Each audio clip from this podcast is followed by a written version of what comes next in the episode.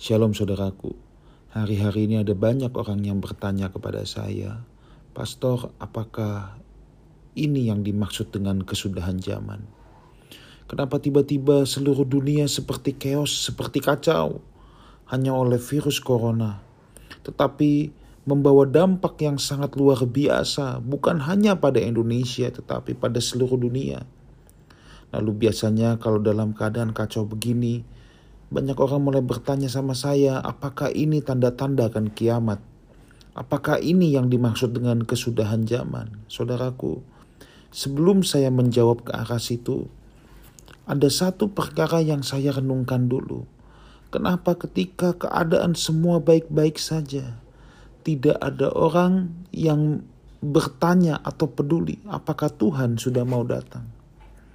Ketika kita masih merasa jumawa, larut dalam kebahagiaan anak dunia ini. Tidak ada yang peduli atau sangat sedikit orang yang mau peduli dan bertanya apakah kesudahan zaman sudah dekat. Harus menunggu ketika dunia chaos, tiba-tiba orang mencari Tuhan, orang bertanya-tanya, inikah yang dimaksud kiamat?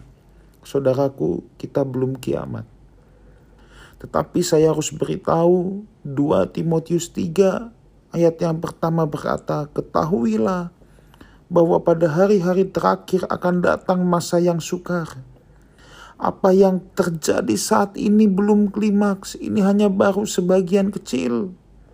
Ibaratnya ini baru pemanasan, saudaraku. Memang dunia ini akan Tuhan goncang. Dunia ini akan mengalami masa kesukaran yang sangat-sangat sukar. Kalau saudara tanya sama saya, Pastor tahu dari mana? Jawaban saya sederhana. Kalau kita berkata dunia ini akan menjadi lautan api. Dunia inilah tempat dihukumnya orang-orang yang menjadi seteru-seteru Tuhan. Tetapi berbahagialah mereka yang menjadi sahabat Tuhan. Sebab mereka memang bukan ditempatkan di dunia ini.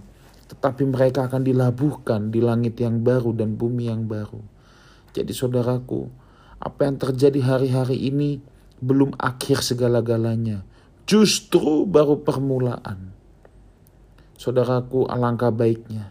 Baik dalam keadaan seperti sekarang ini chaos ataupun dalam keadaan tenang. Carilah Tuhan. Alkitab berkata, carilah Tuhan selama ia masih berkenan untuk dijumpai. Saudaraku, di hari-hari ini mungkin beberapa di antara kita atau banyak di antara kita akan lebih banyak diam di rumah, bekerja dari rumah, memiliki lebih banyak waktu. Mari saya mau encourage saudara semua untuk serius mencari Tuhan, menemukan wajahnya. Mendidik keluarga, membangun keluarga, mempersiapkan mereka menjadi mempelai Kristus. Saudaraku, waktunya tidak panjang lagi. Tetapi saya sangat yakin bahwa kita masih diberikan kesempatan oleh Tuhan. Kita masih diberikan kesempatan oleh Tuhan untuk berubah, untuk menjadi kekasih-kekasihnya.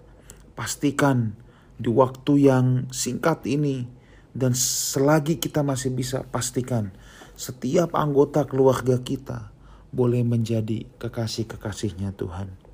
Kiranya Tuhan menyertai kita semua dari keluarga Lifehouse Jakarta. Tetap semangat. Kiranya penjagaan dan perlindungan berasal daripada Tuhan saja. Tuhan memberkati.